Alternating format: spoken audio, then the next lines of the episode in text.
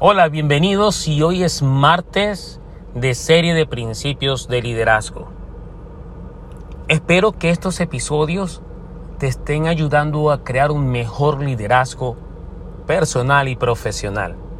Ese es mi objetivo, proveerte de información y aprender de cómo empresas, las mejores empresas del mundo, lideran sus mercados. Hoy le toca Facebook. Todos sabemos Facebook es una compañía multinacional en industria de la tecnología basada en Metro Park, California. El precio de sus acciones bordea los 363 dólares. Con 1.91 billones de personas en promedio como activos usuarios y con 64 billones de dólares en dinero en efectivo y equivalentes. Esta empresa liderada por Mark Zuckerberg, CEO, tiene cinco valores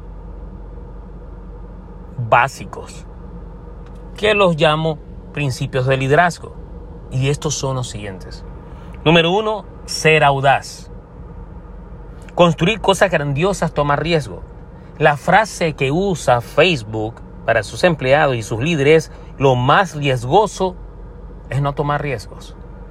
En un mundo que cambia rápidamente, el fracaso es garantizado si no se toma ningún riesgo.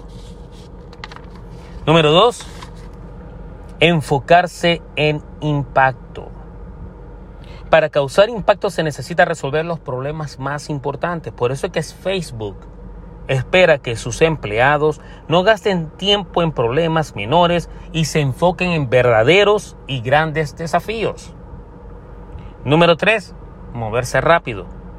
¿Creen que es mejor moverse rápido y cometer errores que moverse despacio y perder las oportunidades que se presentan? Esto los lleva a crear más cosas y a aprender más rápido. El cuarto valor de Facebook es estar abierto. Las personas informadas toman mejores decisiones y consiguen un mayor impacto. Por eso se aseguran que sus empleados tengan acceso a tanta información como sea posible, tanto de la compañía como del ambiente de negocios.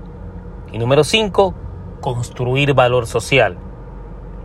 Facebook trata de unir al mundo, por eso sus empleados se enfocan en crear valor real todos los días en todo lo que hacen.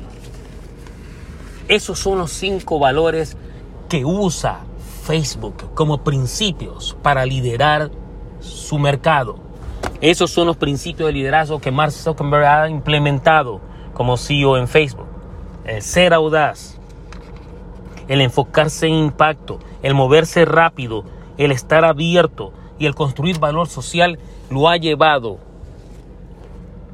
a tener una empresa de la magnitud que es Facebook, una de las plataformas sociales más importantes y diría más comerciales que hay hoy en día.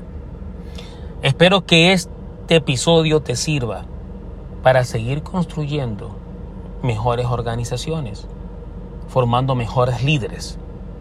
Y así vamos aprendiendo cada martes con esta serie de principios de liderazgo de las mejores empresas del mundo. Hasta la próxima y que tengas el éxito que te merezcas.